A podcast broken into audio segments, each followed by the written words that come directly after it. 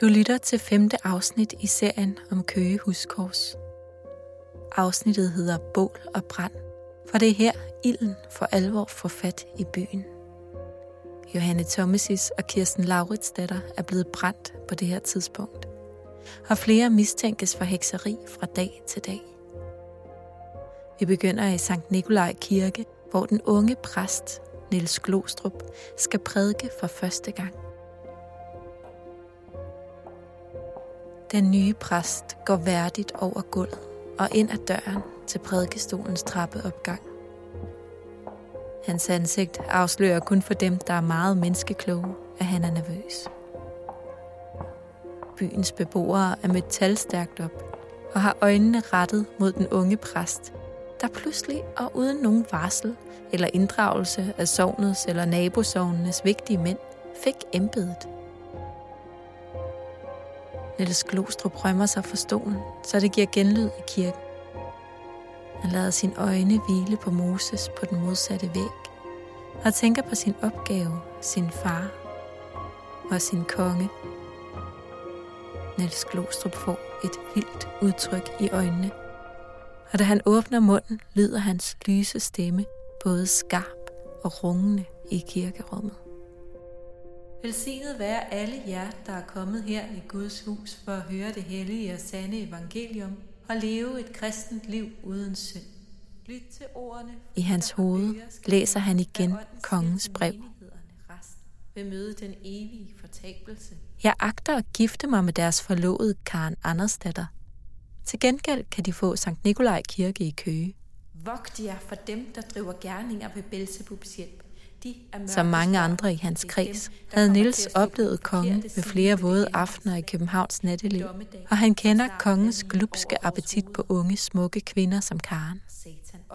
Og alligevel kunne Nils ikke tro det. over på sin side. Tag jeg i agt. Ondskaben lurer overalt. Hold godt øje med hinanden. Djævelskaben kan komme fra selv den mest uventede side som en tyv om natten. Hans far var blevet glad, nærmest lykkelig ved nyheden.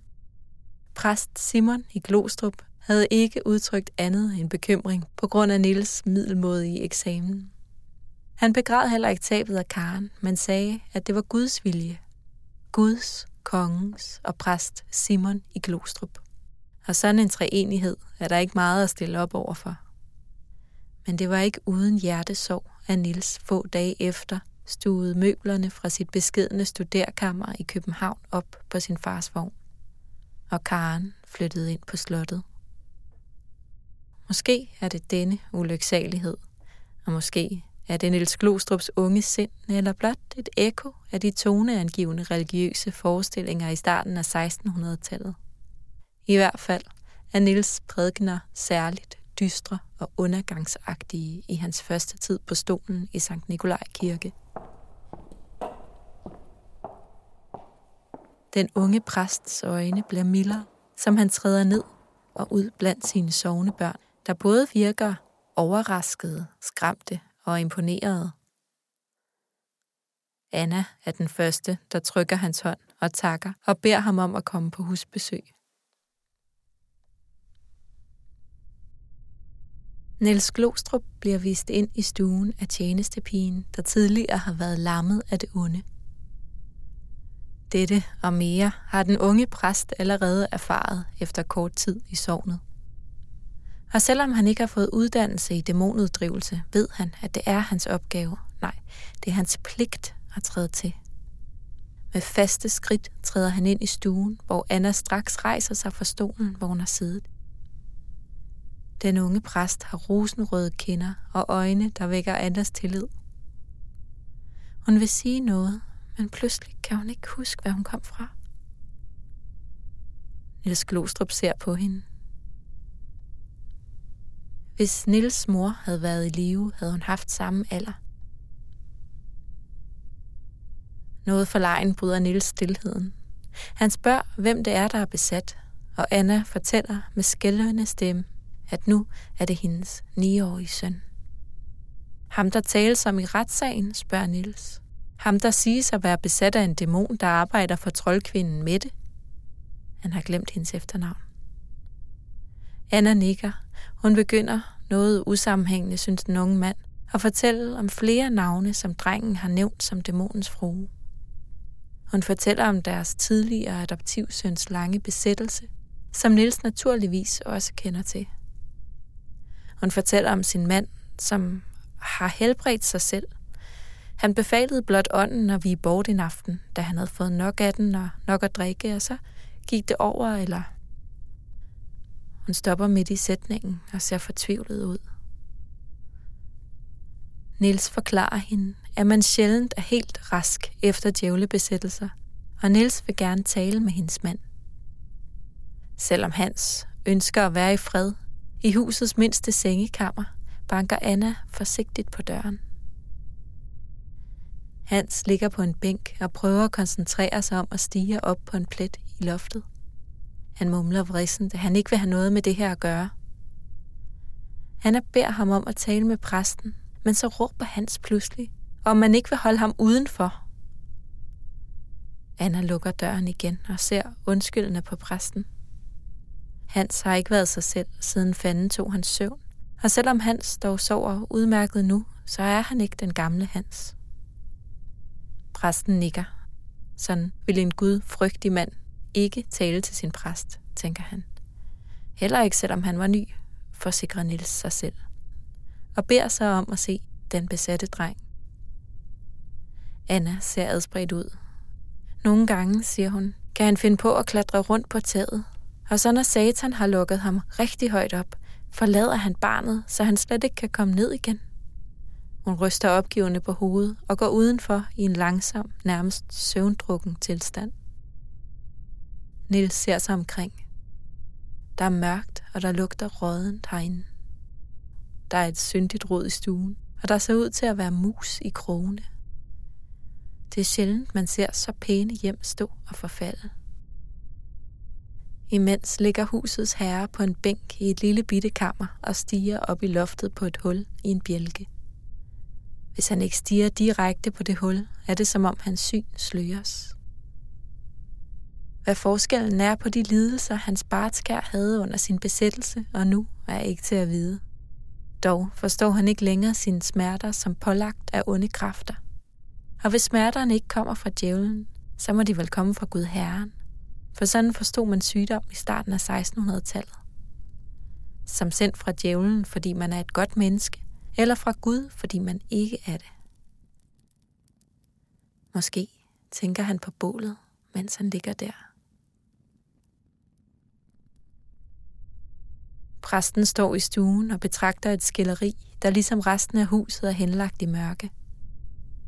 Pludselig mærker han noget loddent, der strejfer hans ben. I mørket ser han et par øjne under spisebordet. De betragter hinanden i tavshed, og præsten husker det, han har læst om djævlebesættelser. Ansigter kan lammes, kroppe kan flyve flere meter op i luften, kaste sort galle op og spy ild. Men han husker også, at de ikke kan tåle Guds navn. Guds fred, min dreng, siger Nils og ser på øjnene under bordet. Nils holder vejret. Der sker ikke noget. Med den strengeste fasthed i stemmen spørger Nils, om drengen kan tale. Der kommer ikke noget svar. Nils finder sin bibel frem under kjortlen og leder efter det sted, hvor Jesus uddriver en dæmon. Det tager lidt tid. Imens han leder, kommer Annas gamle mor ind – men inden hun når at hilse på præsten, har drengen spændt ben for hende, så hun snubler og falder så langt hun er på gulvet. Nils taber i ren forbavselse sin bibel, og imens de begge roder rundt i mørket og prøver at hjælpe hinanden, lyder en høj latter fra barnets mund. Det er virkelig en gudsbespottende dæmon, tænker Nils. Så kommer Anna farne ind med et lys i hånden. Hun ser redselslagen ud. Nils beder myndigt fruerne om at lukke døre og vinduer og sørge for, at drengen ikke slipper væk. Nils hæver armene og messer på det latin, man ikke længere bruger i kirkerne, men som dog har en dokumenteret virkning på dæmoner. Ha! udbryder ånden hånligt af drengens mund. Sådan noget vås skider jeg ikke at bryde mit hoved med. Han er spørger, om hendes dreng kan frelses. Niels svarer, at det ved kun Gud Herren, men han giver hende sit ord på, at han vil tilse drengen så ofte, som det er nødvendigt. Men nu må han gå, for han skal hjem til middag. Du skal have steg, siger ånden pludselig. Nils slår korsets tegn for ånden og beder den vige bort fra hans køkken og smækker døren efter sig. Da Nils forlader gården, kan han ånde lettet op. Selvom det er efterårslummert udenfor, og det ikke har regnet længe, så føles luften frisk, nærmest helbredende, efter at have opholdt sig i det hus.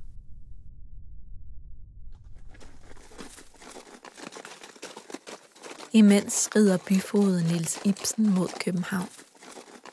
Han har aldrig haft så travlt som nu. Han kan næsten ikke finde tid til at se alle dem, der har noget at fortælle ham i de her dage. Alt handler om trolddom nu. Og det er et meget vanskeligt område, synes han. Der gøres mange nye opdagelser, og der siges så mange forskellige ting.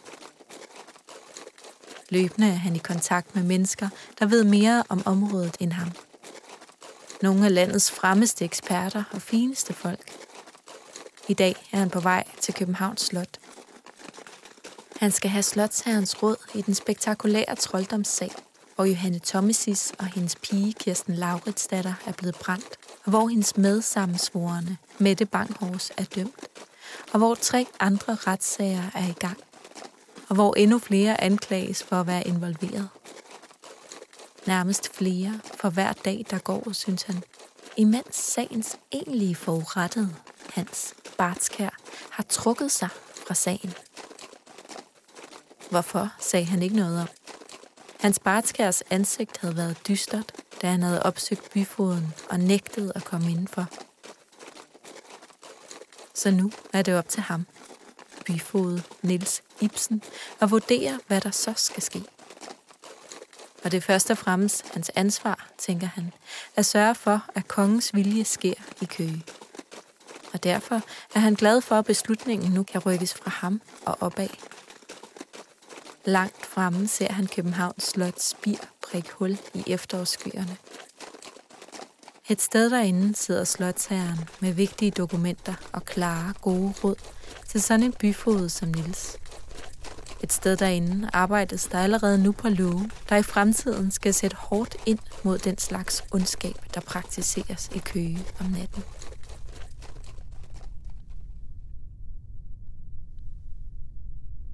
Den unge præst Nils Simonsen Klostrup skal i dag give den sidste nadver for første gang. Det er troldkvinden Mette Banghors, der skal brændes i dag. Befries fra dette livs pinsler, tænker Nils og husker på sine studier. Hvis hun angrer, og det har hun vist allerede bekendt, at hun gør, så kan Nils give hende den sidste nadver, der er et tegn på Guds tilgivelse. Det er en god gerning, han er på vej til at gøre. En af præstens vigtigste. Alligevel har Nils haft svært ved at sove natten forinden. Han har en sær kvalme her til morgen. Han stiger op i den vogn, der venter foran præsteboligen. Den vuggende tur til Galjebakken gør det ikke lettere at holde kvalmen væk. Han kan allerede se røgen fra bålet. Han kan snart lugte den. Han kan se folk, der går i lange rækker deropad, af, og flere vogne kører før dem og bag dem. Han spørger kusken, om han kender hende, der skal brændes. Kusken svarer, at som end gør han det. Han mener, at alle kender gamle Mette med rotterne. Der er noget trist i stemmen. Det lyder næsten, som om kusken har med lidenhed med troldkvinden, der skulle have besat to børn. Præsten oplyser kusken om, at det er en velsignelse, at hendes sorte magi vil få en ende. Men så kommer han til at hoste kraftigt, for nu røgen tæt på.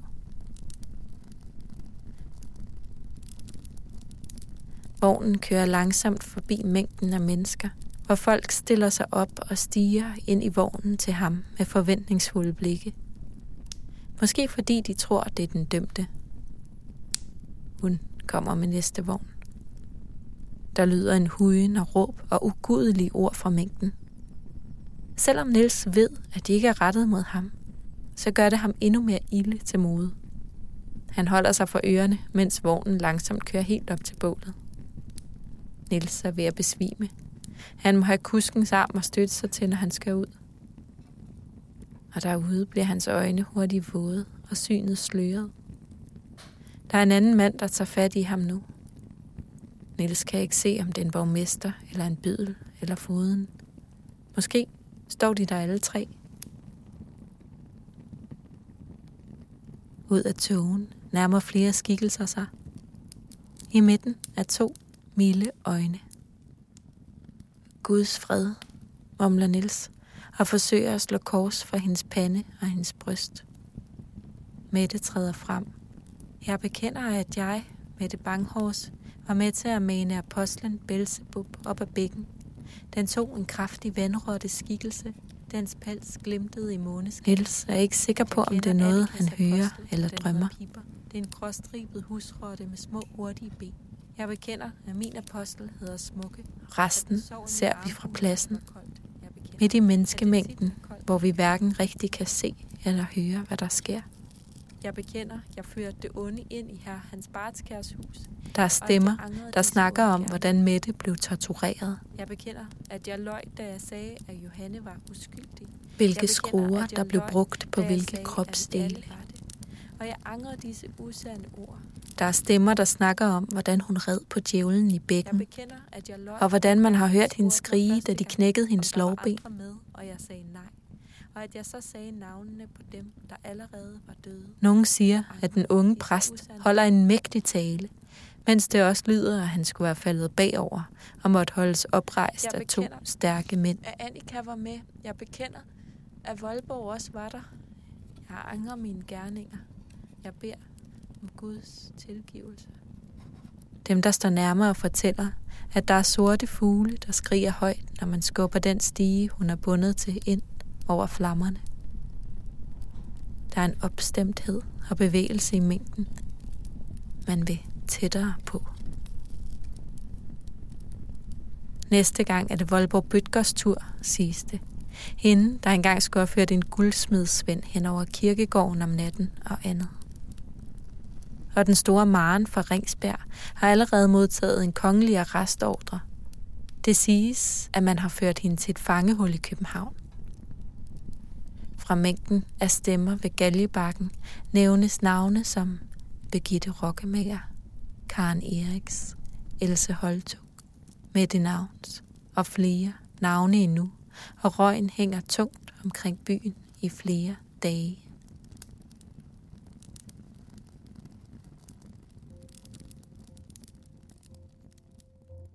Til sidst får du lige et par ord med om love, tortur og menneskeafbrændinger i begyndelsen af 1600-tallet. Først blev der indført love, der faktisk forbedrede den anklagedes retssikkerhed. Det blev forbudt at bruge tortur, før dommen var afsagt, og det blev muligt at anke en sag til landsting og til højeste ret. Der er dog mange eksempler på, at lovene ikke altid blev overholdt. Og samtidig skal det siges, at man dengang havde et ret anderledes forhold til vold og volden var tilladt i fængslerne. Og selvom det var ulovligt at dømme de kvinder, der blev udlagt for hekseri på baggrund af informationer fra pinlige forhør, så var det nok til, at en sag kunne rejses. Og der er også eksempler på, at loven her heller ikke blev overholdt. Også her i vores køgesag. Og i Køge så blev der i den her periode udlagt og angivet flere og flere kvinder – da Mette Banghors blev brændt, er der mindst fire andre kvinder under anklage, og inden for de næste par måneder er de blevet 10. Vi slutter det her femte afsnit af i mørket. I næste afsnit kan du høre præsten Charlotte Dybdal fortælle om at komme til prædikestolen i Sankt Nikolaj Kirke. Og så har hun lovet, at hun også vil give os lidt vejledning i forhold til mørket.